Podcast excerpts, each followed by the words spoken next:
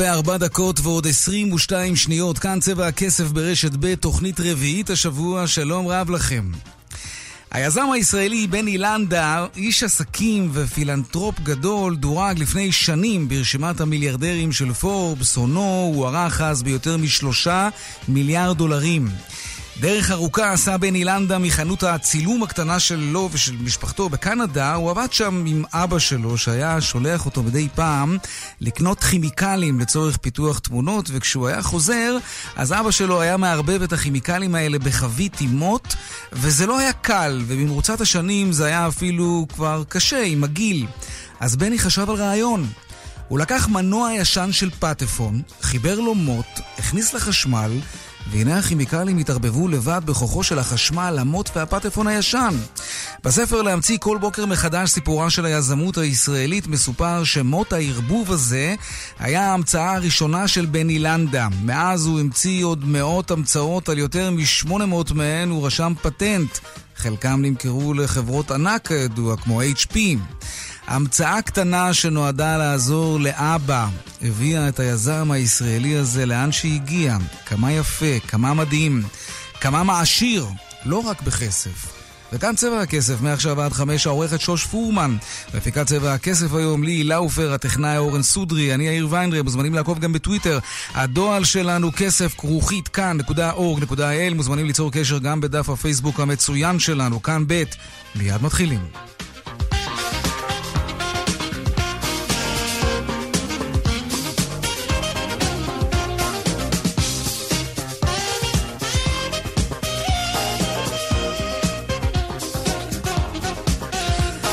אנחנו פותחים בחודרות צבע הכסף ליום רביעי, גל ההתייקרויות במשק צפוי לתפוס תאוצה, עוד מעט נדבר עם התעשיינים, מה יש להם לומר על המחירים החדשים שיגבו מאיתנו עוד מעט.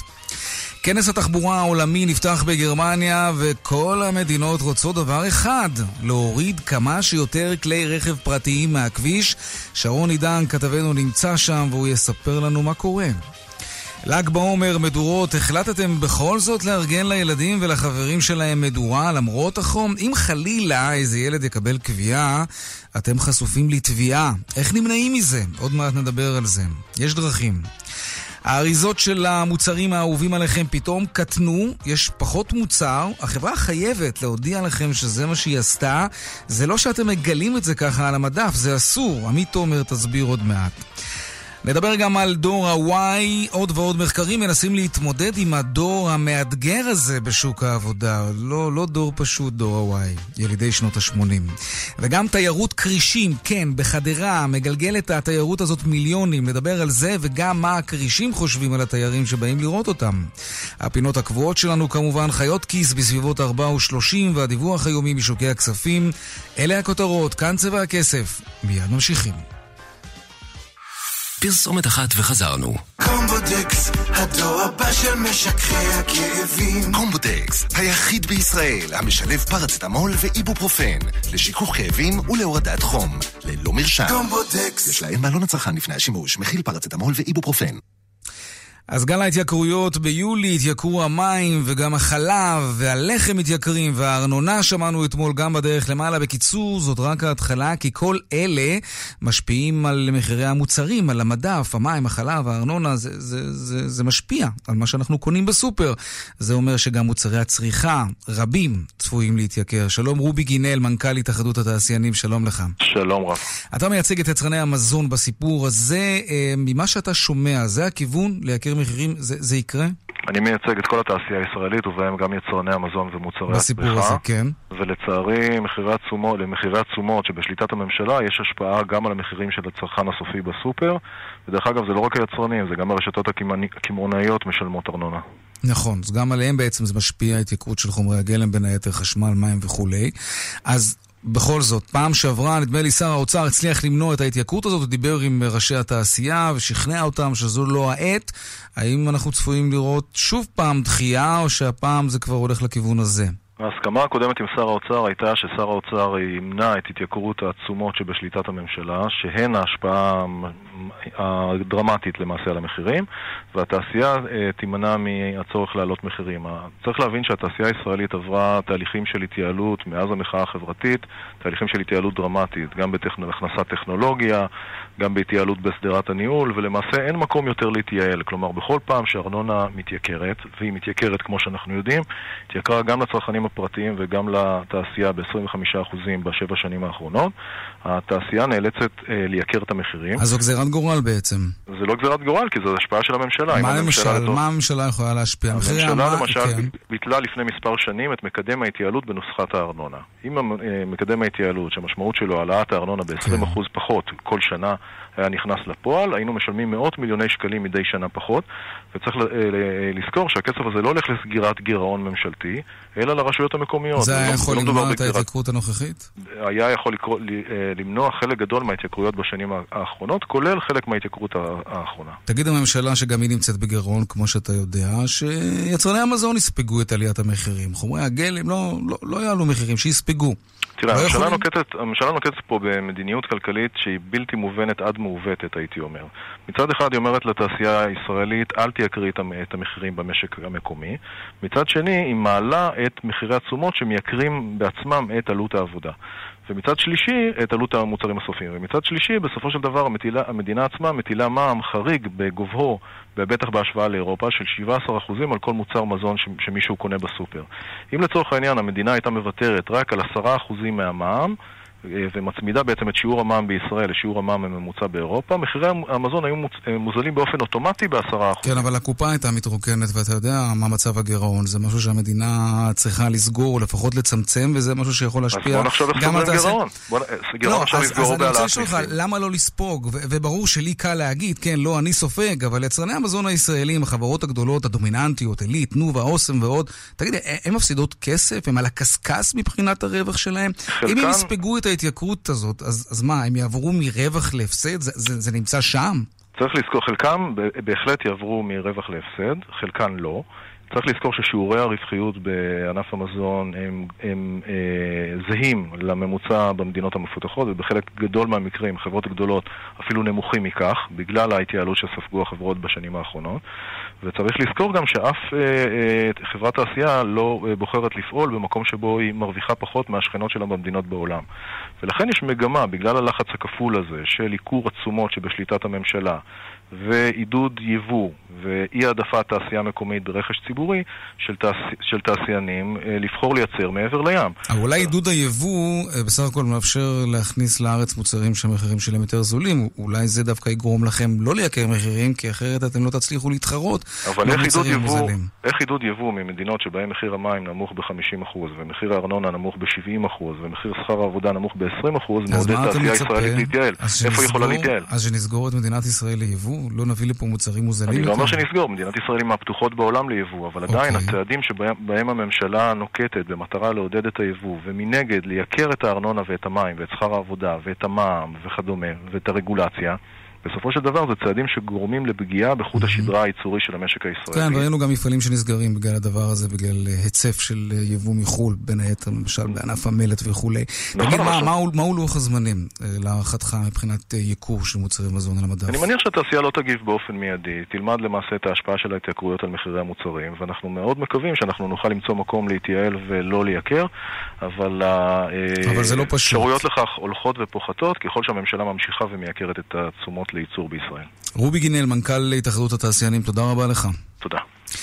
לעיין הבא שלנו, כנס התחבורה העולמי של ה-OECD, ארגון המדינות המפותחות, שאנחנו חלק מהארגון הזה. הכנס נפתח היום בלייפציג, ומה שמעסיק אותם שם זו התחבורה הציבורית, או במילים אחרות, איך מורידים כמה שיותר כלי רכב פרטיים מהכבישים, כי הפקקים כבר בלתי נסבלים. לא, לא רק אצלנו כמובן. שליחנו לכנס הזה, שרון עידן, אתה נמצא שם.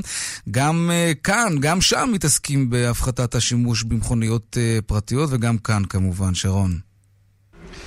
כן, אה, שלום יאיר, מכנס התחבורה של ה-OECD. כאן בגרמניה בעיר אה, לייפציג, שאפשר לומר שמה שמעסיק בעיקר היום את אה, ענייני התחבורה הבינלאומיים באירופה, אבל לא רק בה, גם בארצות הברית, במזרח הרחוק, זה כל מה שקשור לזה שאנחנו יותר מדי נוסעים בכלי רכב פרטיים. אגב, עד שנת 2050 מדברים כמעט על הכפלה של כלי הרכב, ומצד שני, מה יהיו הטכנולוגיות שכן יעזרו לנו, בעיקר בתחבורה שיתופית, להוריד אולי את המספרים המאוד מאוד אה, גדולים אה, האלה, ולפי הערכות אפשר יהיה להוריד את זה אולי במשהו כמו 30 אחוז, אם מספיק מדינות יירתמו. מה שאנחנו רואים כבר שקורה היום בישראל, כלומר אותם... קורקינטים חשמליים, שיתופיים, אופניים וכדומה.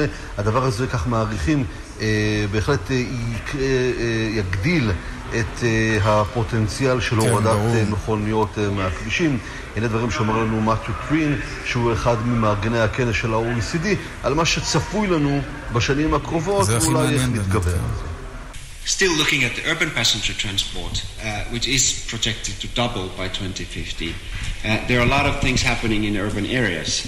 we see that the shared mobility is the fastest growing mode. And when we talk about shared mobility, we mean free floating, shared vehicle systems, as you've seen in a lot of the cities today, shared bikes, cars, scooters, motorbikes, and also shared taxis and minibuses. אז התחבורה השיתופית אולי היא אה, העתיד, רואים את זה כבר בישראל בחודשים האחרונים, אותם אה, אוטובוסים כמעט on demand שמתחילים כמובן כרגע אה, מהחיתולים ומקווים שתוך כמה שנים אנחנו נראה עלייה גם בעניין הזה. האם זה מה שבסופו של יום יוריד מכוניות מהכבישים? לא בטוח.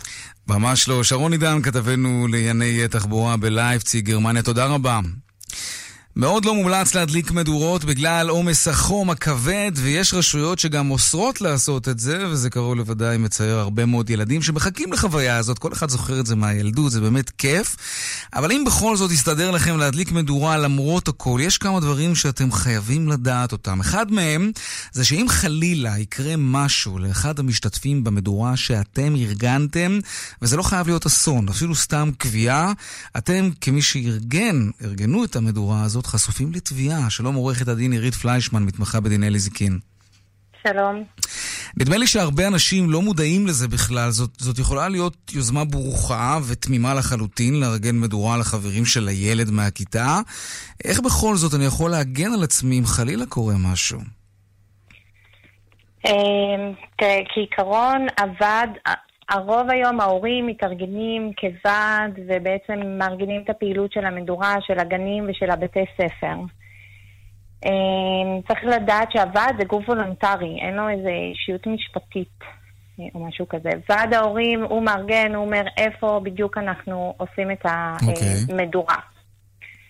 אה, בעבר אותם הורים היו מחתימים על אה, טפסי ויתור, כלומר כל הורה שרוצה להיות נוכח במדורה, אה, אותו הורה היה חותם על טופס ויתור, שאם קורה חס וחלילה אה, אסון למי מהילדים, אה, הוא פוטר את הוועד מאחריות. אנחנו רואים, ראינו הרבה שבתי המשפט החליטו לבטל את הכתבי ויתור האלה מאותה סיבה ש... מכל מיני סיבות למיניהם, אחת, אחת מיני רבות זה היה הלחץ לחתום, חוסר הבנה של ההורים, שהם לא יודעים על מה הם חותמים. אוקיי, okay, אני, אני מנסה להבין רגע בשורה התחתונה. ניקח מקרה פשוט, אוקיי? אני עכשיו מארגן לילדים שלי מדורה ולחברים שלהם. אני רוצה אה, לכסות את עצמי, כן? למנוע אחר כך, אם חס וחלילה קורה משהו, שיתבעו אותי. מה, מה אני צריך לעשות כצעד ראשון? אני צריך לבוא ולומר להורים, תקשיבו, אני אומנם מארגן, אני אומנם אהיה שם, אבל תדעו לכם שאני לא אחראי. אם, אם קורה משהו, אתם כמובן מוזמנים למדורה גם לשמור על הילדים שלכם. האם זה מספיק כדי שאני אחר כך לא אהיה לא, חשוף לתביעה? אז מעבר לזה שאתה אומר להורים, לכל הורה שאתה לא אחראי אה, כן. לילדים שלהם, אם יקרה חלילה, אתה מבקש שהם גם יהיו נוכחים. אה, במדורה אני צריך להתנות את הנוכחות שלהם בנוכחות של הילד, או שאני משאיר את זה לשיקול דעתם? קודם כל זה תלוי גיל. אתה יודע, תלוי אם מדובר בקטין, אם כבר ילדים גדולים. אני מניחה שאם אנחנו עושים את זה עוד עם הורים בגיל הזה, אז ההורה צריך להיות נוכח. לא הייתי מקלה בזה ראש. אוקיי, ואם הוא לא נוכח, ההורה, אבל אני כן. אם הוא לא נוכח, אז, ובמידה ומגישים תביעה, אז יש כבר משהו שנקרא אשם תורם, ולהורה כן יש אחריות. לא צריך אה, גם אה, להכביד על מארגן המדורה כל מיני אחריות אחרי... זה ברור, אבל אני מנסה ש- להבין איך מארגן מדורה אז קודם כל, תראה, צריך קודם כל. להקשיב, להקשיב להוראות של אה, כמו רשות כיבוי והצלה, שיש היום הגבלת ממדי המדורה, אה, גם לגובה... צייתתי אה, לכל גם- הכללים. אני לא רוצה אחר כך שההורים האלה של אותו ילד מהכיתה של הילד שלי יתבעו אותי אחר כך, אם יקרה משהו. האם, האם מה- די בזה שאני מצהיר על כך בעל פה, שאני לא אחראי, אלא רק על הילדים שלי, אבל על יתר הילדים אני ממש לא אחראי? לא, ואם בזה... יקרה באותה מדורה שאתה ארגנת נזק לצד ג', נזק למישהו. עכשיו, יש גם, תלוי מה נגרם גם, לא כל נזק מחייב בפיצוי, או לא כל נזק יבואו ויתבעו אותך, אבל כן צריך לקחת בחשבון שאם אתה זה שארגנת, אתה יכול להיות חשוף לתביעות. מהמם, אתה אוקיי. יודע, מעבר לזה שאותו ילד נמצא במדורה וחס וחלילה קרה משהו, אם, אה, אם הייתה, הוא ניס- אתה יודע, אם קרה משהו לצד ג', מי, על מי תוטל האחריות? על מי באמת? על מארגן המדורה. על מארגן המדורה. טוב, צריך לקחת את זה זה בחשבון הסיבה כמובן. שהיום אה, בעצם אה, יש הוראה ברורה של משרד החינוך של המורים ושל הגננות, שאסור, מורים, סייעות, גננות, אסור להם להשתתף להשתתף, נכון, אני. זוכר את זה, כי אז הן הופכות בעצם להיות אה, אחראיות נכון, באופן ישר אוטומטי. יבוא, נכון, אפילו ברמה של אסור לאותה אה, גננת או סייעת או מי שמארגן את המנורה לבוא ולהגיד שלום ולחלק להם ארטיקים. כן, טוב, הגענו למצב שאנחנו צריכים עורך דין צמוד גם כשאנחנו חוגגים את החג היפה הזה. אם כי המזהם, צריך לומר. עורכת הדין עירית פליישמן, מתמחה בדיני נזיקין, תודה רבה. בשמחה, תודה לך. לעניין הבא שלנו, בטח יצא לכם פעם שקניתם מוצר שאתם משתמשים בו שנים ומשהו הרגיש לכם מוזר, האריזה פתאום קטנה יותר. בסדר, מותר ליצרנים להחליט לשווק את המוצר שלהם במשקל אחר, להקטין אותם או להגדיל אותם לצורך העניין, אבל הם לא יכולים, מתברר, לעשות את זה סתם כך. שלום עמית תומר, כתבתנו לענייני כלכלה. שלום יאיר. אז מה החברה היצרנית חייבת לעשות כדי, לפני שהיא משנה את האריזה, הכוונה להקטין את האריזה הזאת כמובן.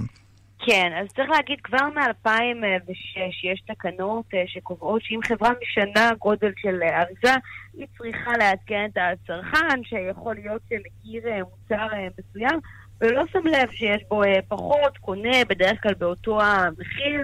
אה, או אפילו רואה שהמחיר יורד, חושב שיש הנחה, הוא מגלה שבעצם הוא קיבל פחות, אז ב-2006 החליטו כדי למנוע את עוגמת הנפש והצרכנים, לחייב את החברות לעדכן על גבי האריזה כשיש שינוי. אנחנו שומעים מגורמים אה, ברשות להגנת הצרכן, שמה שקרה זה שהרבה חברות ככה אה, עשו את זה כדי לצאת אה, מידי חובה, והיו כל מיני עבירות בתחום האפור, למשל הודיעו לזמן קצר מאוד שהאריזה גודלה השתנה, ואז אם לא רכשת את המוצר, מהר מאוד הפסיקו אה, לעדכן על גבי האריזה, וזה לא הגיע המידע הזה לצרכנים, או עשו את זה באופן אה, מאוד לא בולט. אז עכשיו אה, בעצם מיישרים קו ברשות להגנת הצרכן, מחדדים את התקנות, זה ייכנס לתוקף בעוד שלושה חודשים.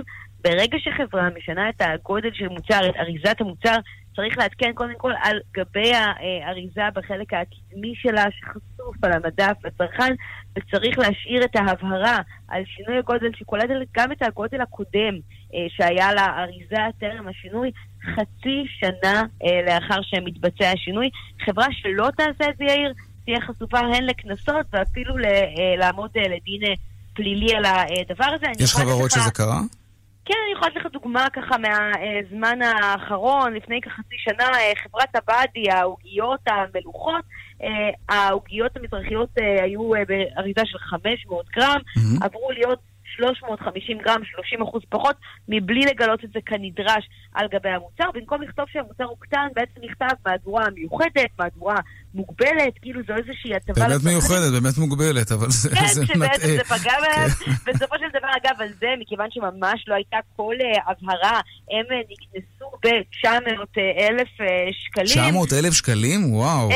אה, 900 אלף שקלים, כן? כלומר, זה לא, אה, זה לא משתלם אה, במיוחד אה, לעשות את זה. עכשיו גם באמת יהיו הוראות הרבה יותר מדויקות לאיך ומה צריך, ואומרים לנו ברשות להגנת הצרכן, מי שלא יעשה את זה, יזכה לדין כזה, אנחנו לא חוששים להטיל קנסות. נגיד יאיר במאמר מוסגר, עם כל גל ההתייקרויות שאנחנו שומעים עליו ברשתות, שהיה כן. גם... יש חברות שהשיטה שלהם זה לא להעלות מחיר, אלא באמת פשוט להשאיר את המחיר אותו דבר, להקטין את האריזה. אז עכשיו לפחות מקווים שאנחנו הצרכנים אה, נוכל לשים לזה אה, לב. צריך לשים לזה אה, לב. שהדברים השתנו גם אם המחיר נותר... ולדווח, ב- לא להתבייש לדווח אם אנחנו רואים שאיזה חברה עושה תרגיל כזה. זה לא יפה, זה לא הוגן. עמית תומר, כתבתנו לענייני כלכלה, תודה רבה.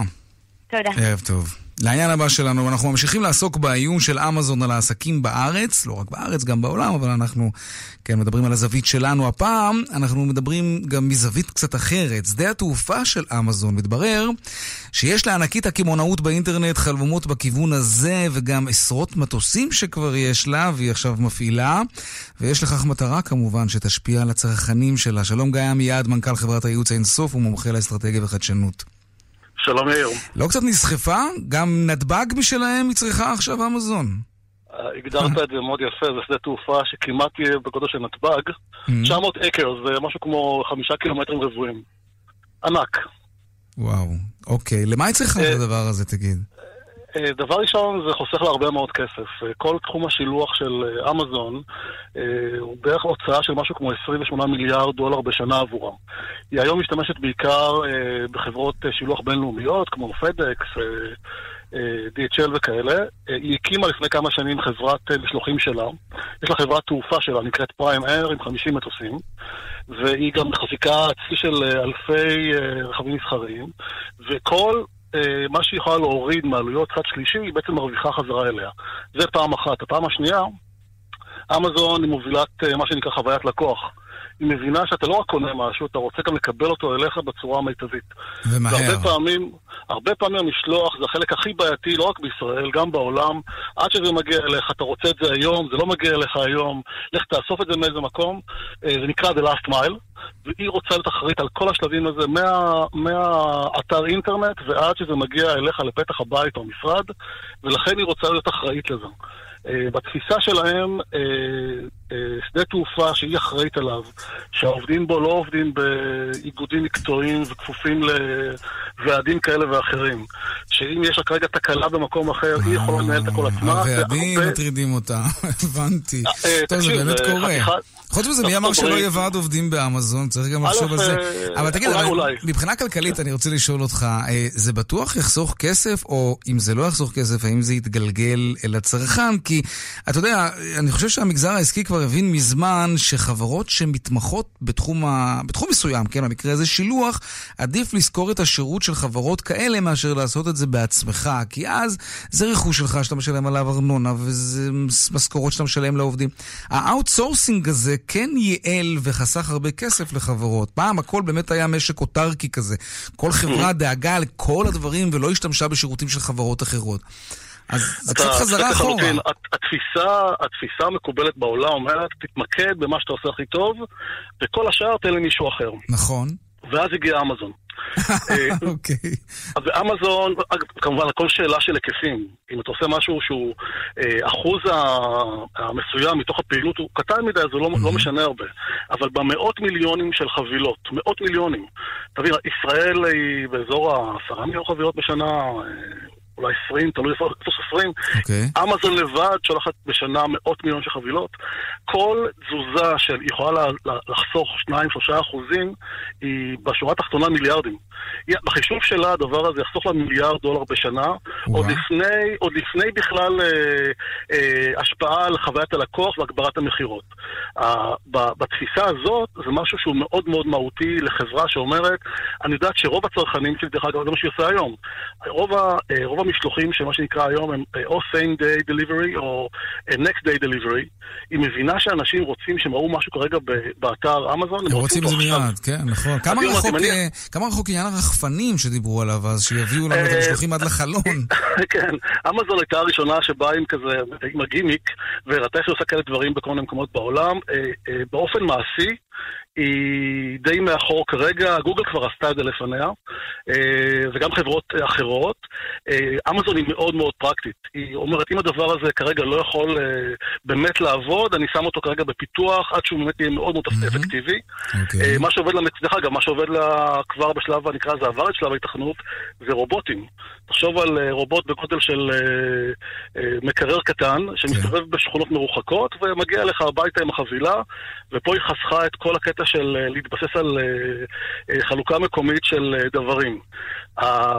בתפיסה שלה, היא רוצה לתת את השירות המקסימלי למה שנקרא הלקוחות הפרימיים שלה, פריים, שמשלמים כל שנה הרבה מאוד כסף ורוצים את זה היום. ואם היא יכולה להגיע לזה בצורה טובה, זה מה שהיא עושה. באופן עקרוני, בשורה התחתונה, היא גם היא בעצם מצהירה שהיא הולכת לשבש תעשייה שלמה שנקראת uh, משלוחים. תעשייה של עשרות uh, מיליארדי דולרים בשנה. בוודאי, זה ישפיע, בוודאי. כן. היא בסוף, בסוף אתה בתור עסק, תגיד, אני רוצה לעבוד עם אמזון ולא עם חברת שילוח אחרת. גם מיד, מנכ"ל חברת הייעוץ אינסוף ומומחה לאסטרטגיה וחדשנות, תודה רבה. תודה, יום.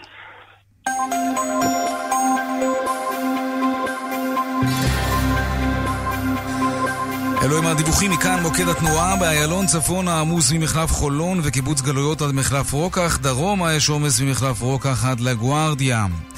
בגאה צפונה עמוס ממחלף השבעה עד מורשה ודרומה ממורשה עד מחלף גנות ובדרך שש צפונה עמוס ממחלף נשרים עד בן שמן וממחלף קסם עד מחלף חורשים וגם ממחלף אייל עד מחלף ניצני עוז וממחלף עירון עד מחלף אליקים. כמה דיווחים. דיווחים נוספים בכאן מוקד התנועה, כוכבי 9550 ובאתר שלנו, אתר התאגיד, אתר כאן פרסומות ומיד חוזרים עם חיות כיס. כאן מיד חוזרים עם יאיר ויינרב. פי, שמעת? ביטוח ישיר יוצאים במבצע ענקי. מבצע ענקי? עם טנקים והכל? איזה גיבורים, תאמין לי, מלח הארץ. תגיד, נראה לך שיגייסו אותי? בטח שלא. מצטרפים לביטוח ישיר ומקבלים את ההצעה הזולה ביותר בביטוח מקיף לרכב. חייגו 03 7 פעמים 5. הקש על החמש ביטוח ישיר. איי.די.איי חברה לביטוח. לנהגים ללא תביעות בשלוש השנים האחרונות. כפוף לתקנון. מעכשיו בעלם ורק עד מוצאי שבת, מגוון מוצרי חשמל ואלקטרוניקה במכירה מיוחדת. מהרו, המבצע עד מוצאי שבת בלבד ב... כפוף לתנאי המבצע. צמאים למשהו בריא? הצטרפו עכשיו למבצע של מי עדן. רכשו את בר המים המתקדם עדן סטרים ותקבלו כרטיס דרים קארד בשווי 300 שקלים מתנה. מי עדן, כוכבית 2929, כפוף לתקנון. בית בכפר מציגה את שיטת הליסינג לדיור המוגן. תשלום חודשי בלבד, המאפשר להורים שלכם להשכיר את ביתם הישן ולשכור את הבית החדש שלהם בבית בכפר. בלי פיקדון, בלי התחייבות ובלי למכור את הבית. 1-830-7070, בית בכפר, כפוף לתנאי החברה. ישיבת המקובלים אור הרשב"י במירון מזמינה את עם ישראל לבוא ולהשתתף בהילולה הגדולה של התנא האלוקי רבי שמעון בר יוחאי בהר מירון. בל"ג בעומר, 23 במאי, תעלו להר מירון ותשתתפו בתפילות, בריקודים, בתהלוכת ספר התורה ובמעמד הניסים, הדלקת נר הרשב"י הקדוש. ברוכים הבאים, אור הרשב"י, המוסדות המרכזיים וישיבת המקובלים בקבר הרשב"י. אדוננו בר יוחאי לקנות רכב בלי להיכנס לאולם תצוגה של מיצובישי? זה כמו להביא את ההורים לדייט הראשון. לא הגיוני! תהיו הגיוניים. לפני שקונים רכב, באים לאולם התצוגה של מיצובישי, להתרשם ממגוון גמים במחירים שלא הגיוני להחמיץ. לפרטים נוספים חייגו כוכבית 5839. אש, אש, מדורה, משתלם להיות מורה. מבצע ל"ג שמח לחברי מועדון אשמורת 360 של הסתדרות המורים. מגוון הטבות שוות לאטרקציות ולמסעדות מחכות לכם עכשיו באתר. ל"ג שמח. צמאים למשהו בריא? מי עדן. טיפה מהטבע. בני הגיל השלישי, בכפר הגמלאים נורדיה, בתים צמודי קרקע בהזדמנות חד פעמית. בואו לראות איך נהנים מחיים מלאי תרבות ועניין בסביבה כפרית ירוקה. חייגו, כוכבית 60-10. רשת מגדלי הים התיכון, מעניין לחיות פה. עד גמר המלאי. אני רוצה, אני רוצה מכונית באוטו סנטר, רוצה לקנות מכונית. רוצים מכונית? היכנסו לאוטוסנטר ותיהנו מהנחה עד 30 אלף שקלים על מגוון ענקי של רכבים. אוטוסנטר, כוכבית 2332, כפוף לתנאי המבצע. בית בכפר מציגה את שיטת הליסינג לדיור המוגן. תשלום חודשי בלבד, המאפשר להורים שלכם להשכיר את ביתם הישן ולשכור את הבית החדש שלהם בבית בכפר. בלי פיקדון, בלי התחייבות ובלי למכור את הבית. 1-830-7070, בית בכפר, כפוף לתנאי החברה. מעכשיו בעלם ורק עד מוצאי שבת, מגוון מוצרי חשמל ואלקטרוניקה במכירה מיוחדת. מהרו, המבצע עד מוצאי שבת בלבד ב... כפוף לתנאי המבצע. כאן רשת ב'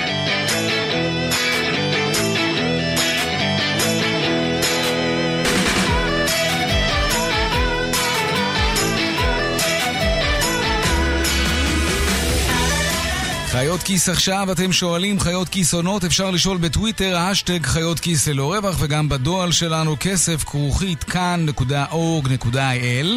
היום שאלה של צבי, וצבי שואל כך, לקחתי עורך דין לטפל בתביעת נכות כללית ואני מקבל קצבת נכות.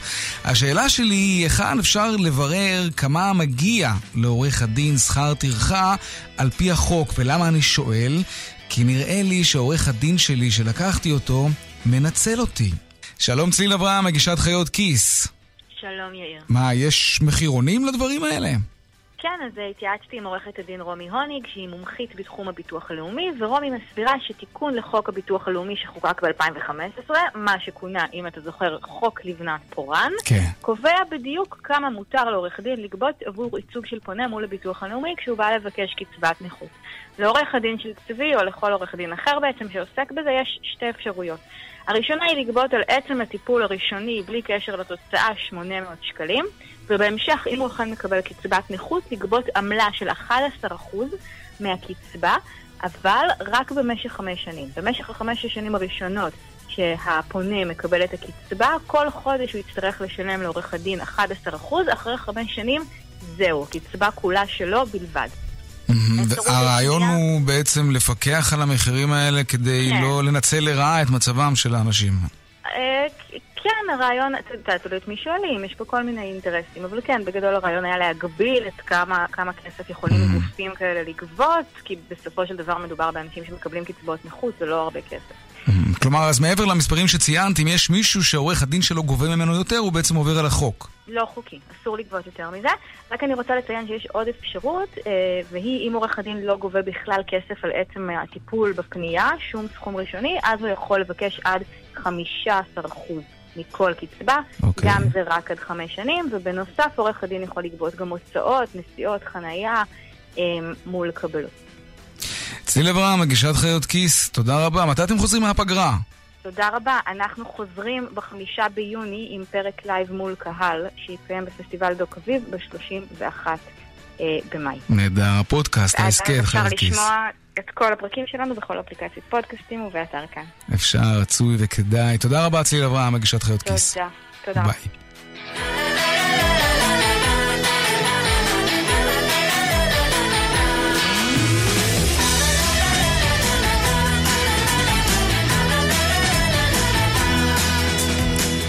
שלום דוקטור אושי קראוס, מומחה לחדשנות פיננסית, מרצה בבית הספר ליזמות בבינתחומי, ועוסק בין היתר גם בפילוסופיה של הכלכלה. שלום לך.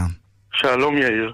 פעם קודמת דיברנו על חסכונות, אה, על חסכנות, סליחה, ואולי קמצנות ועל דרכן של מדינות להתמודד עם אזרחים שלא אוהבים להוציא כסף ושומרים אותו קרוב לחזה או מתחת לבלטה. סיפרת לנו למשל על אה, ארגנטינה, נדמה לי, ששם החליטו, אה, בלי לפרט יותר מדי, לתת קנס למי שלא מוציא כסף וממריץ את הכלכלה, כי כלכלה לא יכולה לחיות עם אנשים שלא עושים שימוש בכסף שלהם. נכון, נכון, כסף קנס היה. נכון. היום אנחנו אה, נדבר על אה, דיוגנס, פילוסוף יווני מהמאה השלישית לפני הספירה, והוא חי, אה, נגדיר את זה ככה, חיים כלכליים מאוד מאוד מעניינים. הוא לא מאלה שחשב שצריכה זה דבר טוב. ממש ממש ממש לא. אה, המון פעמים כשמדברים על דיוגנס קוראים לו איש הכלב, והוא באמת היה שייך לאיזושהי אסכולה פילוסופית יוונית שקראו לה ציניקנים, שזה בא מהמילה קינוס ביוונית עתיקה שזה כלב. אוקיי. והאיש הזה פשוט חי כמו כלב. חיי כלב, אז משם זה בא הביטוי. אגב? אה, אני לא יודע אם משם זה בא, אני מניח שכן, אני מניח שכן. אוקיי. אה, מה שקרה, מצד אחד הייתה לו אידיאולוגיה. הבן אדם מאמין, כמו יתר הפילוסופים הציניקנים, שצריך לחיות טבעי. בלי מותרות, בלי סקס, בלי כוח, בלי עוצמה, בלי פוליטיקה, בלי כלום.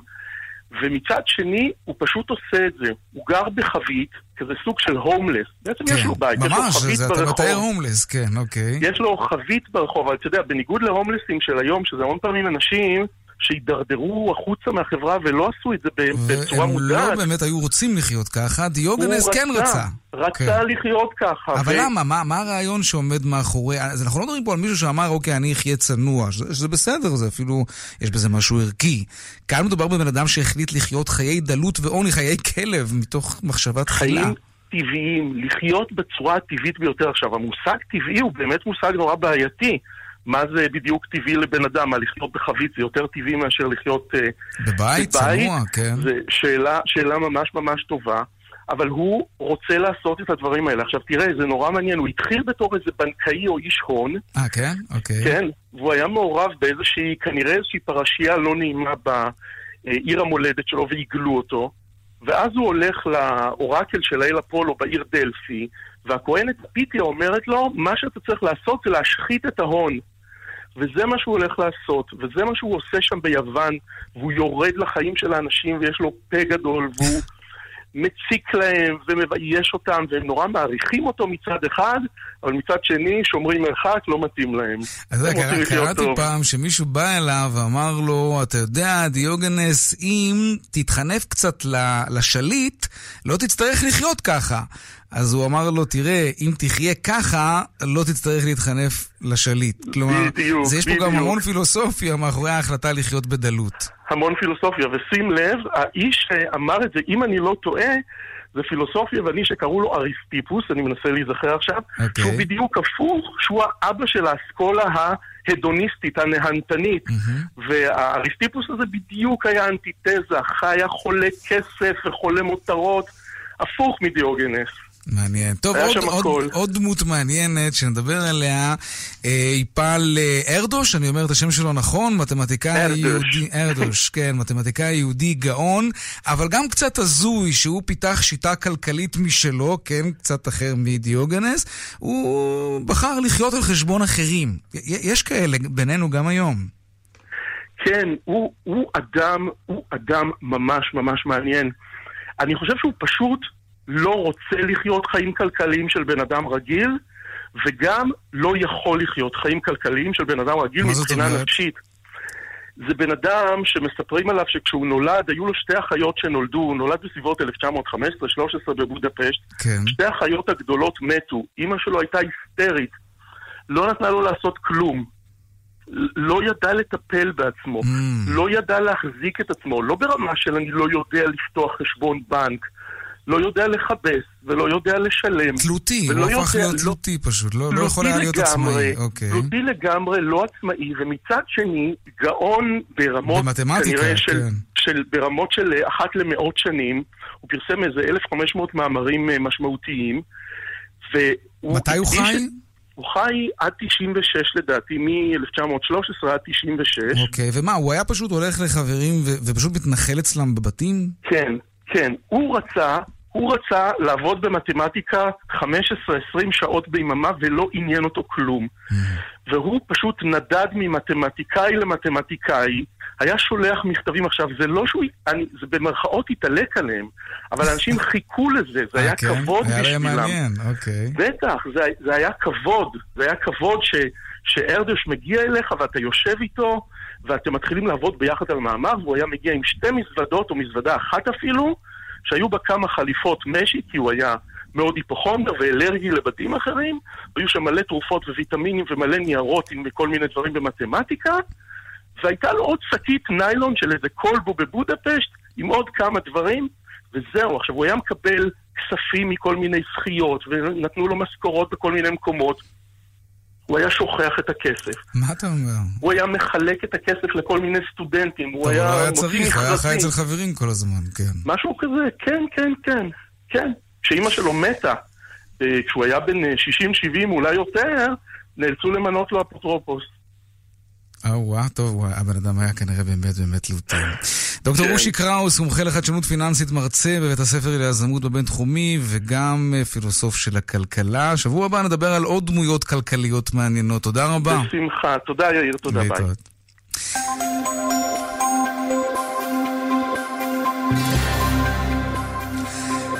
הנה הדיווחים מכאן מוקד התנועה בדרך החוף צפונה, עמוס מרשפון עד וינגייט וממחלף חבצלת עד מכמורת, בדרך עכו נהריה, עמוס מצומת שומרת עד נהריה, ובדרך 40 צפונה, עמוס, לא סתם עמוס, עומס כבד מנמל התעופה עד נחלים. פרסומות ומיד חוזרים, נדבר קצת על דור ה-Y, ילידי שנות ה-80. מיד חוזרים עם יאיר ויינרב. שלום, כאן עמוס תמם. קבלו חמשיר שכתבתי. בהוט מובייל יש מבצע אש. חבילה סלולרית ב-25. מה אפשר עוד לבקש? רק 25. ומי שלא מצטרף, לא יודע, מה מתחרז עם חמש? הצטרפו עכשיו להוט מובייל ותקבלו 50 ג'יגה ב-25 שקלים לחודש למשך שנה, בצירוף שני מנויים ויותר. להצטרפות כוכבית 0053 ובאתר הוט מובייל, כפוף לתנאי המבצע. מעכשיו בעלם ורק עד מוצאי שבת, מגוון מוצרי חשמל ואלקטרוניקה במכירה מיוחדת. מהרו, המבצע עד מוצאי שבת בלבד ב... כפוף לתנאי המבצע. רואים טוב יותר, חיים טוב יותר. יום הראייה בישראל, רואים ששש בשישי לשישי ביוזמת שמיר אופטיקה. אני לא עושה לעצמי הנחות, אבל אני ממש אוהבת לקבל אותן. פרי סייל בקבוצת גולף, 40% הנחה בגולף, גולף אנד קו, גולף קיטס, פולגת, קיטן ואינטימה. בתוקף עד 26 במאי, כפוף לתקנון. על הפריטים שבמבצע. פאלאס דיור מוגן בלהבים, מזמינה אתכם להתרשם מקומה לדוגמה. לא דירה, קומה שלמה.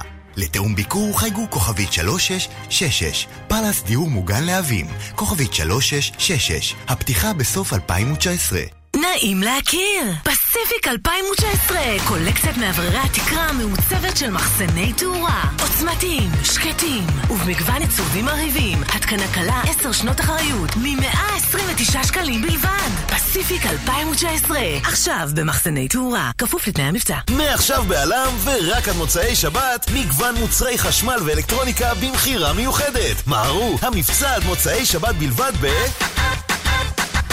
כפוף לתנאי המבצע. רוצים שבקיץ הזה המשפחה שלכם תשתה יותר ויותר מים? צמאים להצעה יותר ויותר משתלמת? ימים אחרונים למאי sale בשטראוס מים. התקדמו עכשיו לאחד מברי המים תמי 4 ותיהנו ממחיר מיוחד לזמן מוגבל. שטראוס מים, כוכבית 6944 או באתר. בתוקף עד 26 במאי 2019, כפוף לתקנון. על פי סקר TNS, מרץ 2019. הולנדיה טו וול, חגיגת טמפור בהולנדיה, במחיר שמגיע רק פעמיים בשנה. מיטה זוגית מ-9,900 שקלים, ומיטה מתכווננת מ-19,900 שקלים. הולנדיה, כפוף לתקנון.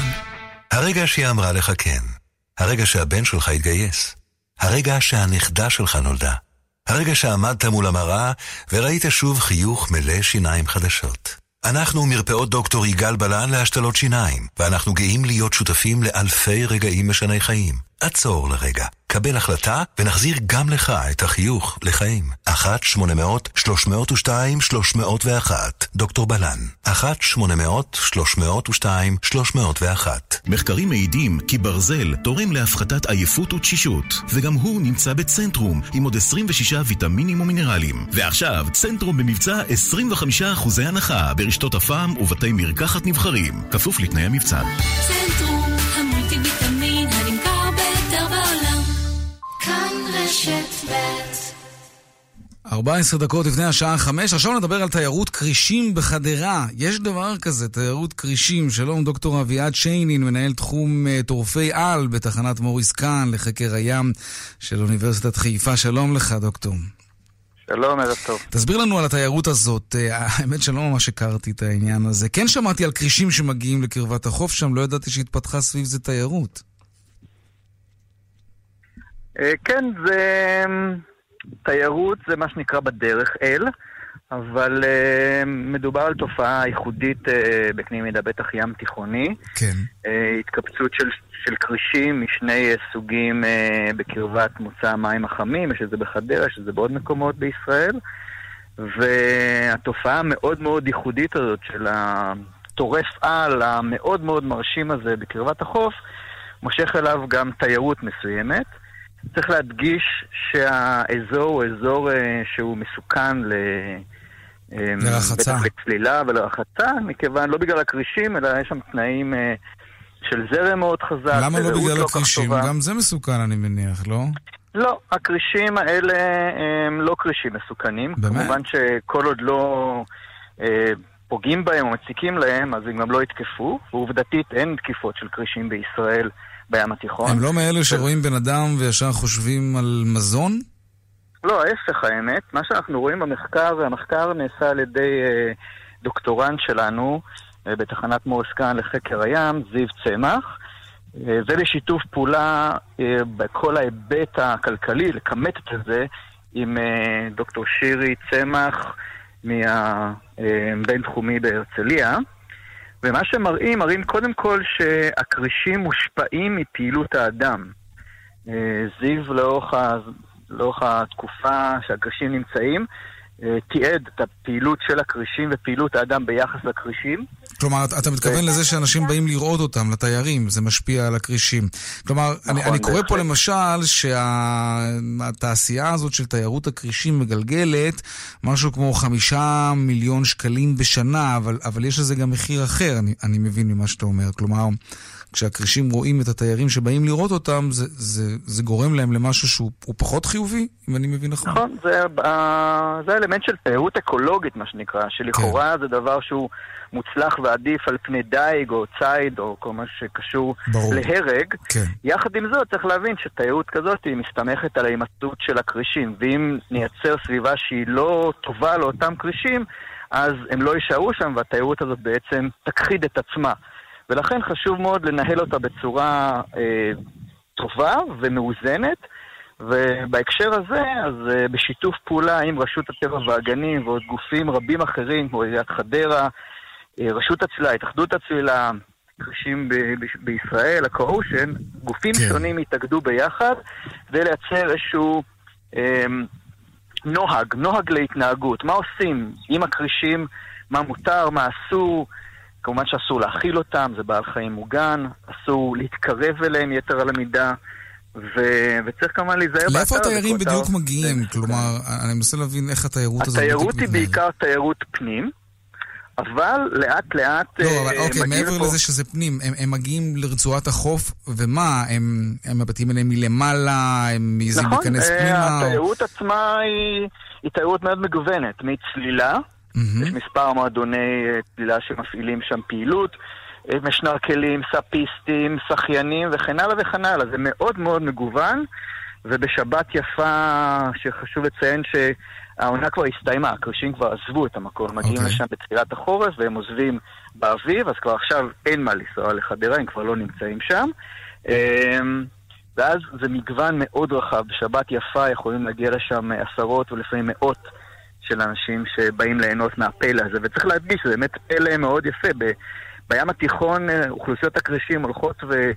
ודועכות בירידה דרמטית של מעל 90 אחוז. למה? ממה זה קורה בקצרה? אנחנו רואים את האוכלוסיות, את המקבצים האלה, אה, המאוד מאוד מרשימים. למה זה קורה? אתה מתאר פה בעצם סוג של הכחדן, זה נראה ככה.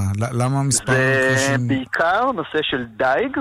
במקומות אחרים בעולם, בארץ אסור לדוג אה, כן. קרישים ודגי סוס אחרים, מוגנים. במקומות אחרים בעולם אה, דגים אותם ועוף אוכלים אותם. וזה כמובן מייצר איזשהו לחץ כן. על האוכלוסייה הזאת, שהיא בעלי חיים שלוקח להם הרבה זמן להתרבות. בעיה נוספת זה לכידה בלתי מכוונת. זאת אומרת שהם נלכדים כן. בציוד דייג שלא מכוון ללכוד אותם. גם זה קורה. בשתי הסיבות העיקריות האלה, האוכלוסיות שלהם מאוד הידלדלו. לא רק המיליונים חשובים כמובן. דוקטור אביעד שיינין, נכון. מנהל תחום טורפי על בתחנת מוריס קאן לחקר הים של אוניברסיטת חיפה. תודה רבה. בבקשה. עכשיו לעדכון היומי משוקי הכספים. 200, take them.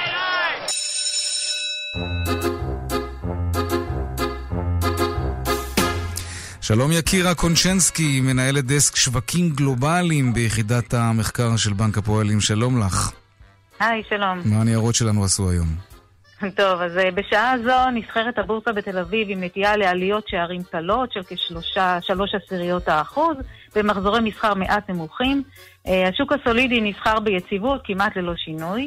אה, בעולם הבורסה, הבורסות באירופה נסחרות כעת בירידות של כארבע עשיריות האחוז בממוצע, אה, כשבוול סטריט נפתח המסחר אה, גם הוא במגמה שלילית. בשוק המטח אנחנו רואים התחזקות של הדולר של כארבע עשיריות האחוז, שערו היציג נקבע לשלושה שקלים, 61 אגורות בעשירית האחוז, כשבאירו אנחנו רואים מגמה דומה, שערו היציג נקבע על ארבעה שקלים ושלוש אגורות. עד כאן מהבורסה.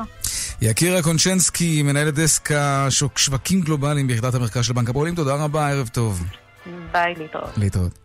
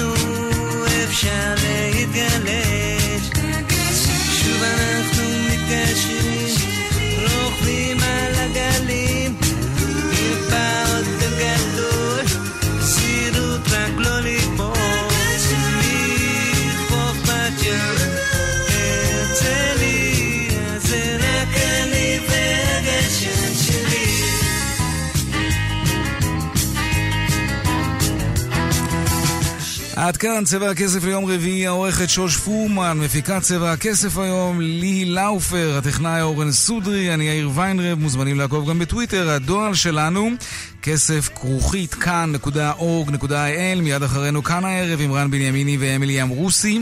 מחר יום חמישי יהיו כאן בארבעה אחר הצהריים ליאן וילדאו ועמית לבנטל עם כאן ספורט, ערב טוב ושקט שיהיה לנו, נשתמע ביום ראשון. שלום שלום.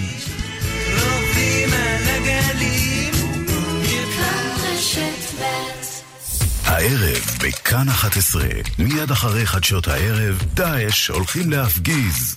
הופעה, מלי לוי, איציק כהן, טל פרידמן ויזהר כהן, בקומדיית מתח מטורפת. מה יעלה בגורל האירוויסיון שטרוריסטים מנסים להשתלט עליו? דוז פואה, כל הפרקים בערב אחד. תעשו אחת ועוד אחת. כאן 11. מבצע באופטיקה הלפרין 71 אחוזי הנחה על כל המשקפיים. אופטיקה הלפרין, כפוף לתקנון. מתכוננים לאירוע הכי חם בשנה, המדורה שלכם. הורים, רגע לפני שמדליקים מדורה, מכינים רשימה, לבחור שטח נקי מעשבים, לתחום את המדורה באבנים, להקפיד להדליק את המדורה רק בנוכחות מבוגר, ובסוף האירוע מוודאים כיבוי מוחלט שלה. ואם אתם כבר מחזיקים עט ביד, תוסיפו לעצמכם, לאחד מדורות. זה משמח יותר ומזהם פחות. יחד נשמור על ילדינו. כבאות והצלה לישראל, המשרד לביטחון הפנים. שלום לכם. ל"ג בעומר מביא איתו חגיגות ומדורות. חשוב לנו להזכיר לכם שאסור להדליק מדורות סמוך למתקני חשמל או מתחת לקווי חשמל. במיוחד מסוכנת הבערת ערימות עצים גבוהות ליד עמודי חשמל וקווי חשמל. אש וקיצים עלולים להגיע לחוטי החשמל, לשרוף אותם, לסכן חיים ולגרום הפסקות חשמל. הרחיקו מדורות לשטח פתוח ושמרו שלא יתלקחו ולא יסכנו אתכם ואת רשת החשמל. ל"ג בעומר שמח ובטיחותי. איתכם בכל רגע, חברת החשמל.